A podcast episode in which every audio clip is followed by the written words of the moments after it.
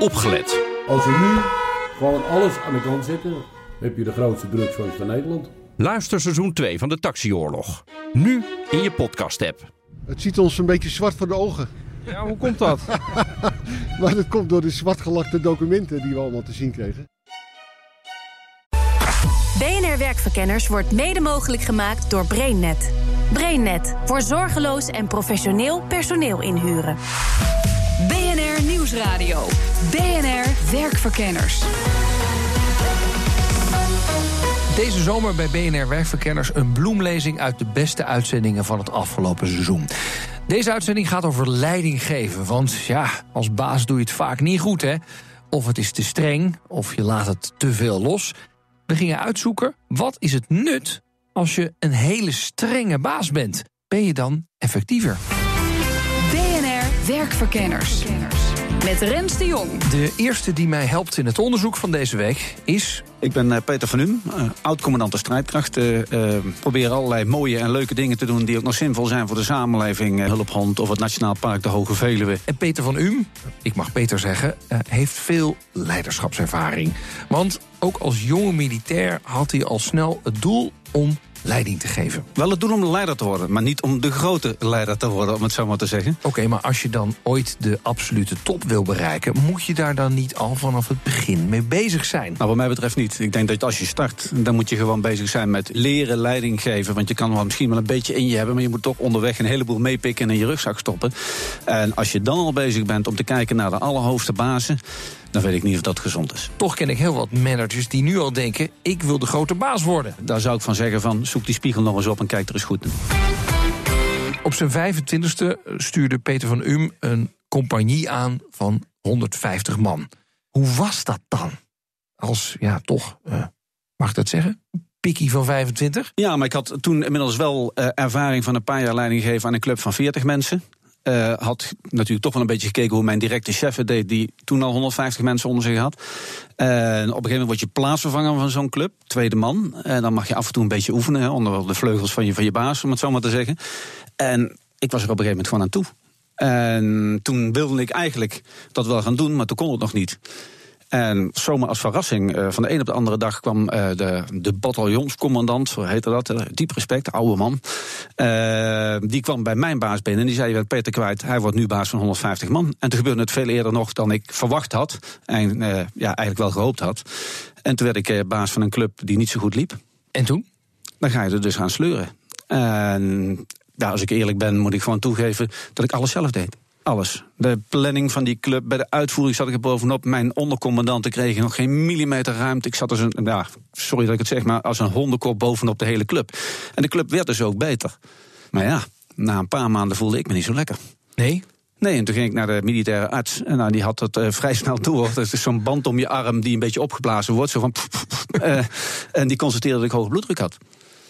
En dan wordt je de spiegel ja, eigenlijk voorgehouden van hoe kan dat nou? En dan sta je met je 25 jaar terwijl je denkt dat je de wereld aan kunt. En dan wordt opeens geconstateerd dat het niet goed met je is. Uh, ja, voor mij was de conclusie duidelijk. Ik moest gewoon uh, leren delegeren. Is dat ook de belangrijkste les die je hebt geleerd toen als 25, 27-jarige? Nou, ik heb, voor mij was dat heel belangrijk. Maar het gaat niet alleen met leren delegeren. Maar toen ik erover na ging denken, besefte ik ook dat ik eigenlijk mijn eenheid wel beter maakte. Maar het kon veel beter. En in ieder geval maakte ik mijn mensen niet beter. En dus heb ik ze bij elkaar geroepen. En toen heb ik gezegd van, hoe vinden jullie dat het gaat sinds ik er ben? Nou, die vonden het allemaal fantastisch. Uh, en toen zei ik van, ja, en ik begrijp waarom. Want ik doe zo ongeveer jullie werk naast het mijne. En dat is niet de bedoeling. En toen heb ik echt een afspraak met ze gemaakt. Dat ze allemaal hun eigen werk gaan doen. Ik zal jullie coachen, helpen, kom met vragen. Maar ik geef je ook nog extra werk. Dus als er een keer een extra klusje was, dan moesten zij het gaan doen. En daar hielp ik ze erbij. Want daar worden jullie beter van. En in totaal worden wij er ook beter van. Kun je dat concreet maken? Zo'n voorbeeld van, joh, uh, praat met z'n allen mee. Laat, laat, ik een voorbeeld geven van toen ik de hoogste militair was. Uh, wij hadden in Afghanistan uh, eigenlijk wel een probleem. In de regenperiode konden wij met uh, vliegtuigen, helikopters niets doen aan een gebied waar we anders over de grond ook al moeilijk kwamen. Uh, dus dat betekent dat de Taliban kon daar vrij zijn gang gaan. En daar hadden we last van. Maar er moest iets gebeuren. Alleen, ja, die vliegtuigen konden niet komen. En over de grond moesten we door een rivier die in de regentijd enorm aanzwelt. En dan drijf je gewoon met je gewone auto weg. Alleen onze zware voertuigen konden er doorheen. Maar dan had je een bergrug en dan konden die zware auto's niet overheen. Dus wij kwamen in Den Haag er eigenlijk niet achter van hoe gaan we hier nou wat aan doen. En toen zeiden we tegen de mensen op de werkvloer ook van denk mee. Hè. Eigenlijk de oude motto, Tom Poes, verzin een list. En na een week vroegen ze of ze een, eh, een beveiligde eh, videoconferentie met mij mochten hebben. En toen zeiden ze gewoon van nou generaal, in een regentijd dan eh, regent het ook wel eens niet. Dan eh, brengen we met een vliegtuig als eerste onze commando's in. Per parachute. Dat deden we ja, voor training al tientallen jaren. Met de laatste keer dat we het echt hadden gedaan in een operatie was in Nederlands-Indië. Dus we hadden eigenlijk niet goed nagedacht en niet in onze gereedschapskist gekeken. Maar zij wel. Maar ik zei tegen ze: ja, dat is leuk, maar als we die jongens inbrengen. en het gaat er nou weer regenen en ze komen in de Panari, kan ik ze niet helpen. Nou, zeiden ze generaal. Dan eh, doen we het volgende. We rijden met al onze auto's naar die rivier. Dan zetten we de lichte auto's op de zware. We nemen een takelauto mee, gaan door de rivier heen. Aan de andere kant halen we de lichten van de zware af. En met die lichten gaan we over die bergrug. En ik dacht, dat is creatief. Maar ik dacht ook, kan dat wel veilig? Ik wist hoe sterk die rivier was. Dus ik zei tegen ze van, ja, dat is allemaal wel leuk bedacht... maar eh, gaat dat ook wel veilig? En toen begonnen ze aan de andere kant van de video te lachen. En toen zeiden ze, jawel generaal, want we hebben het al geprobeerd. Kijk, en da dat is de denkkracht van de werkvloer. En, en wat wij bij Defensie dan noemen, dat is nou unity of effort. Zometeen hoor je meer over leiderschap van Peter van Um. Eerst naar arbeidspsycholoog Gert Keen. Hij is gepromoveerd op onbazig leiderschap. Heeft hij nou leiderschapstijlen zien veranderen in de afgelopen twintig jaar? Uh, nee, uh, maar de manier waarop we erover praten wel. Oh. Ja, uh, zeg maar die onbazige leider, dat is een, een, een vrij klassieke kwestie. ik heb de eerste, van voor de oorlog, de eerste schrijfselen er al over gezien. Uh, maar mensen maken uiteindelijk van leiderschap een enorm gedoe. En daar wordt alles aan opgehangen en je baas is nooit goed. Dus iedereen zoekt naar... Uh, wat is het beste? Uh, Wat werkt het beste? Maar is het dan is het ook niet zo dat je kunt zien van... nou ja, al die leiderschapstijden, die waren er al wel. Maar sommige ja. krijgen meer nadruk. Of daar zijn er opeens meer van. Of is dat ook niet zo? Ligt het gewoon aan de mensen zelf? Ik denk dat mensen zich niet realiseren dat je aan de aan de bureautafel wel een ideaal managerstype kan schetsen. Maar dat je daarmee uiteindelijk ook uh, zwaarwegende persoonlijkheidsuitspraken doet. Dus ik weet bijvoorbeeld dat die mensen die aan dit profiel doen, gemiddeld is dat 1 op 6. Dus je moet zes kandidaten zien om er één onbazige leider van over te houden. Dus die zowel relationeel heel goed is als ook zakelijk. Dus dat vereist voor de organisaties in, kwesties, uh, in kwestie nogal een uh, selectieinspanning, maar die loont. Ook de aftrekken van de kosten. En hoe die loont, nou, dat hoor je zo meteen. Eerst naar iemand anders. Um, een schrijver van het boek Baas boven Baas. Ik ben Mark Blessen, uh, historicus van opleiding, journalist van uh, instelling, dichter als ik naar het leven kijk. Wat betekent dat dichter als ik naar het leven kijk? Dat betekent dat als je oud genoeg bent om eindelijk afstand te kunnen nemen van visitekaartjes, streepjes pakken en rode dassen, dat je de poëzie van het geheel in de gaten krijgt. En dat is een ontzettend fijn moment. In jouw boek uh, portretteer je allerlei mensen. Jan-Peter Schmidman, Freddy Heineken, Johan Cruijff, Marcel Boekhoorn... Cor Boonstra, Fidel Castro, François Mitterrand. Laten we even een aantal um, leiders aflopen. Freddy Heineken. Buitengewoon geestige, charmante, snelle geest. Met één groot nadeel, dat hij meedogenloos zijn vijanden kon afmaken. Hoe, hoe, maakte hij ze af? Gewoon keihard, verbaal. En daarna gewoon ontslaan. Maar zijn vijanden binnen het bedrijf dus? Vijanden binnen het bedrijf, vijanden buiten het bedrijf. Want hij was Freddy Heineken, dus hij vond dat hij door geboorte en achternaam het recht had om zich te gedragen zoals hij wilde. Dus hij, hij palmde in en stootte af. Hij versierde en vernietigde. Hij uh, omringde zich met ja-knikkers. En als hij er genoeg van had, dat besloot hij eenzijdig. Dan werden ze gewoon uh, bij, bij, het vuil gezet. Kun je een voorbeeld noemen, dat je het nog helder voor de geest staat? M mijn eigen voorbeeld. Sommige van die hoofdstukken zijn licht revanchistisch. Uh, ik heb gewoon met, met, met, een jaar lang ongelooflijk veel plezier met, uh, met Heineken gehad. Toen heeft hij zich op een goede dag misdragen. En daar heb ik wat van gezegd. Misdragen?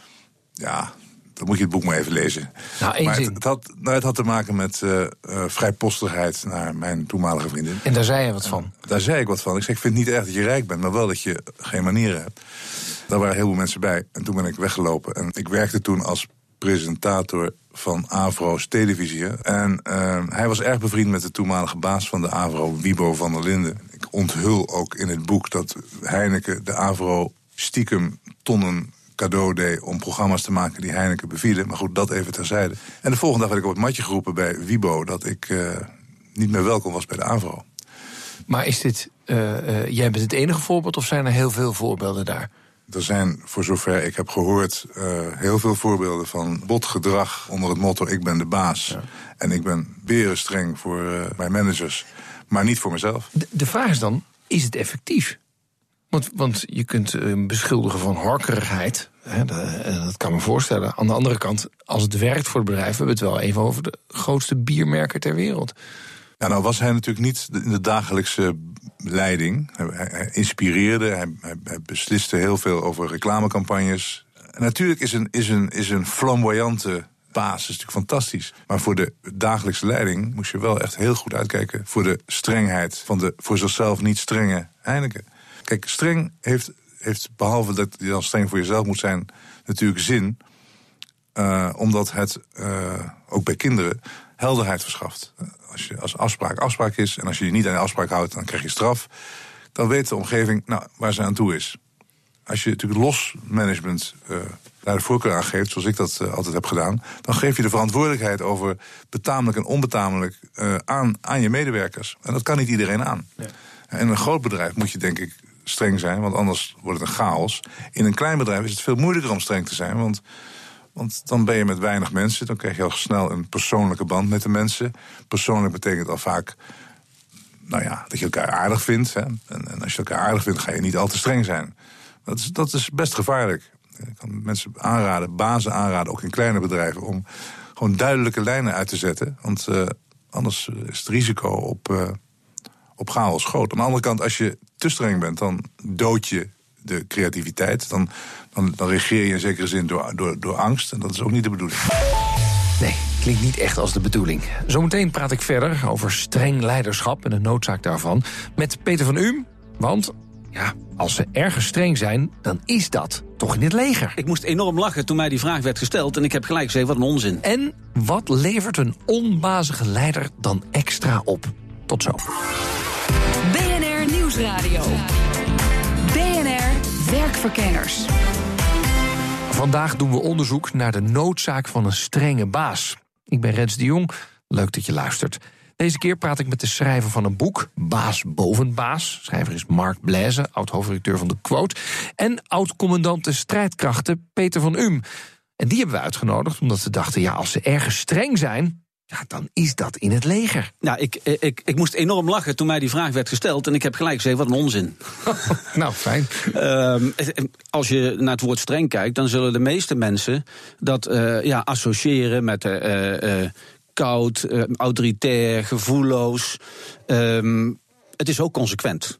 En met die uitleg van dat laatste, daar kan ik best mee leven. Mm -hmm. Maar al die bijgevoelens die daar bij het woord streng zijn, daarom zeg ik, het is onzin. Maar een baas hoeft helemaal niet uh, koud gevoelloos of wat dan ook te zijn. Nee, een baas moet eerlijk en duidelijk zijn en consequent. En de mensen moeten weten wat ze aan die baas hebben. Mm -hmm.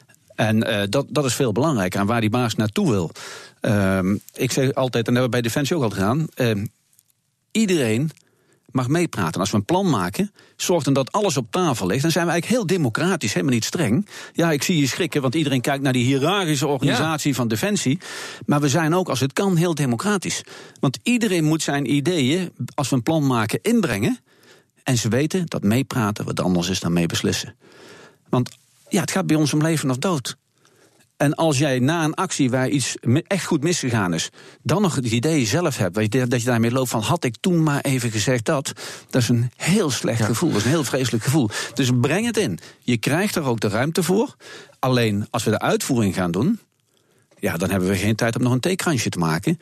En dan zijn we heel directief. Tegenwoordig heb je in het bedrijfsleven steeds meer de trend van uh, zelfsturende teams. Is Peter van Um daar ook voor? Maar wel binnen de kaders van het hogere niveau. Dus je moet ze wel kaders meegeven. Maar laat ze dan in de uitvoering vooral hun eigen ding doen. Mm -hmm. je, je maar je, je, je, ziet ook die medewerkers verantwoordelijk maken. Van joh, die verantwoordelijkheid ja. ligt bij jou. Eens? Ja, maar daar vind ik dat een nuance heel belangrijk is. Uh, ik mag een enkele keer wel eens spreken tegen mensen uit het bedrijfsleven. En dan ben ik zo'n deugd niet dat ik ze gewoon vraag van... geeft u voor uzelf eens antwoord op mijn volgende vraag. Zo'n het antwoord is ja, nee, simpele vraag. En dan vraag ik ze of ze verantwoordelijkheid delegeren. En dan zitten er een hoop mensen in de zaal heel stoer ja te knikken. En dan leg ik ze uit dat dat fout is. Ja, die mensen kijken dan net zoals jij verbaasd. Want je kunt verantwoordelijkheid wel aan je mensen geven. Dat is prima. Maar als je delegeert, dan zeg je eigenlijk van kijk, jij bent nu verantwoordelijk. En als er iets fout gaat, dan ben jij het haasje. En niet ik. En eigenlijk zet je dan een aap op de schouders van, uh, van je onderhebbende. En die voelen dat. Echt. Soldaten voelen wanneer hun sergeant bij de patrouille een kaartleesfout maakt. En een medewerker in een bedrijf heeft die sensor ook. En mensen voelen dan, wacht even, jij delegeert verantwoordelijkheid.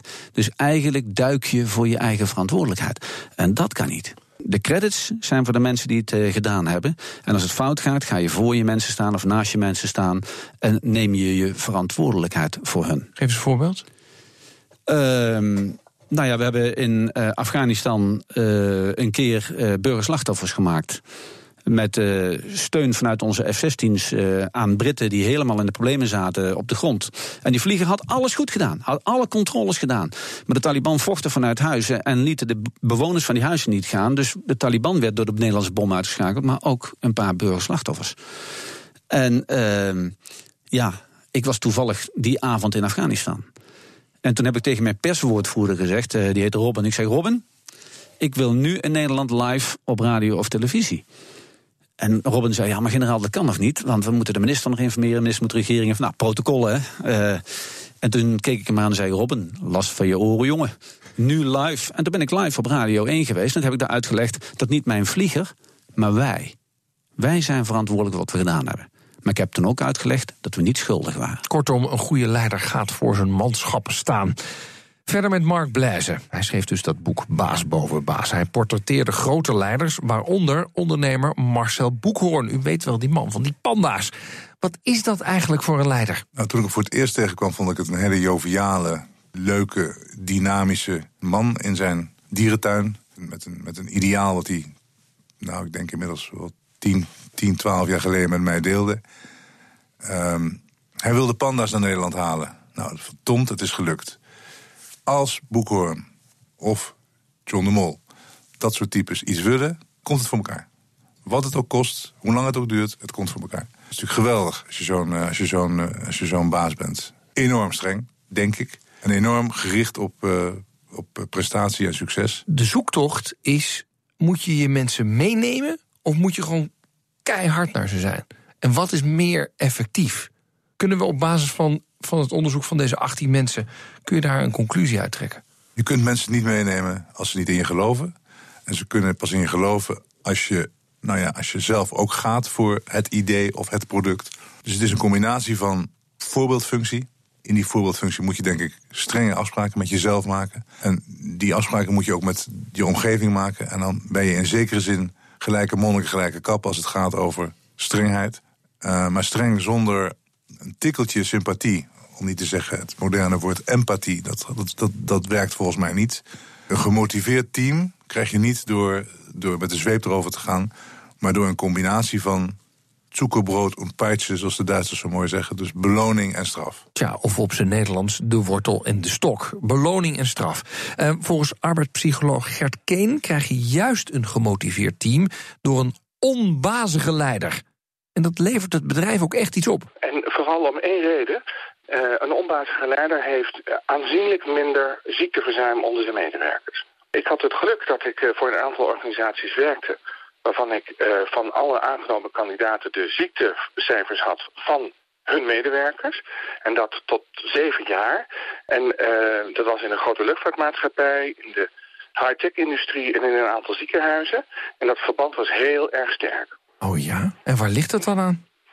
Dat weet ik niet. Ik denk dat het te maken heeft met twee dingen. als je een, goed, uh, een, een goede verhouding hebt met je baas...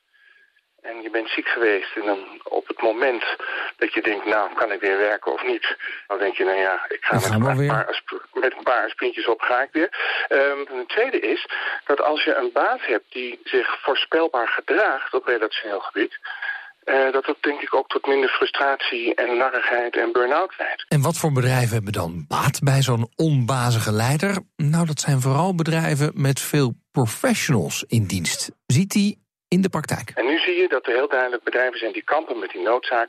Mijn medewerkers willen geen feodale zak meer, want zo wordt het dan aan de koffietafel genoemd. Dus eh, voor die bedrijven is het gewoon dat on onbazigheid loont. Ja, geen feodale zak. Ja. Heeft u dat serieus een keer gehoord in een interview? Dat zeggen wij natuurlijk ook wel eens hoor. Het komt uiteindelijk niet zo vaak voor, maar uh, nee, het tegendeel van, van de mensen zeg maar met het profiel dat, dat bij ons met hoge ogen uitkomt, dat is de feodale zak. Die is op zijn retour, zelfs in Frankrijk en Duitsland waar ik werk. De feodale zak is op zijn retour. Nou, uh, de kop boven dit artikel over deze uitzending heb ik al. Um, uh, is het zo dat je als manager uh, de keuze hebt om een strenge baas te zijn of een niet strenge baas te zijn, of moet het gewoon bij je karakter liggen? Dit is een, uh, in hoge mate een, uh, een persoonlijkheidskwestie. Um, kijk, als we de trainers horen praten, waar ons land vol mee loopt, die zeggen dan, je hebt dit in je repertoire en je kan het aanspreken als je het nodig hebt. Nou, dat is allemaal mooi, want dan gebeurt het dus op het moment dat je onder druk staat niet. Uh, en mijn proefschrift ging er ook goed deels over om de vraag te stellen, is het nou een vaardigheden of een persoonlijkheidskwestie? Het is het laatste.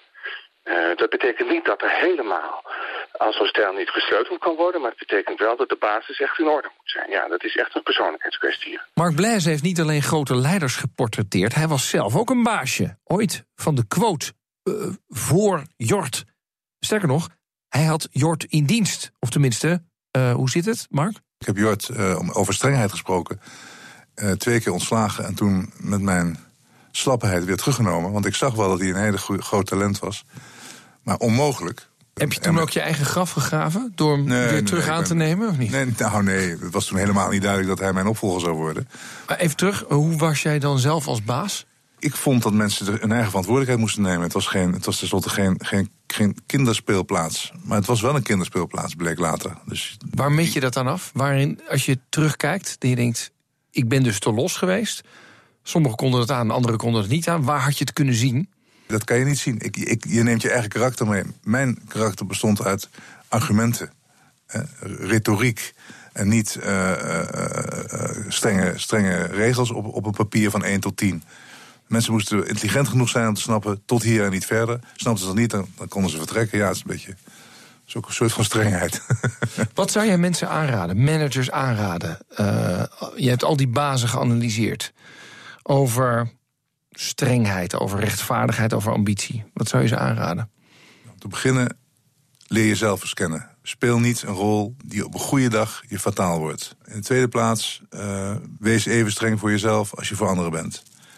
In de derde plaats, het is altijd goed als je, als je leiding geeft om, om helder te zijn. En het is veel makkelijker om helder te zijn als je een streng beleid voert dan als je een los beleid voert. Het hangt een beetje af van de branche waarin je, waarin je opereert. Het allerbelangrijkste is dat je integer, eerlijk en oprecht in je, in, je, in je baan staat en naar je mensen toe bent. Want dat voelen mensen. Mensen die streng zijn omdat ze bang zijn, dat hebben mensen gewoon meteen door. Dus speel niet streng als je het niet bent. Wees streng als je het wel bent, maar dan ook voor jezelf. Nog één keer terug naar Peter van Um.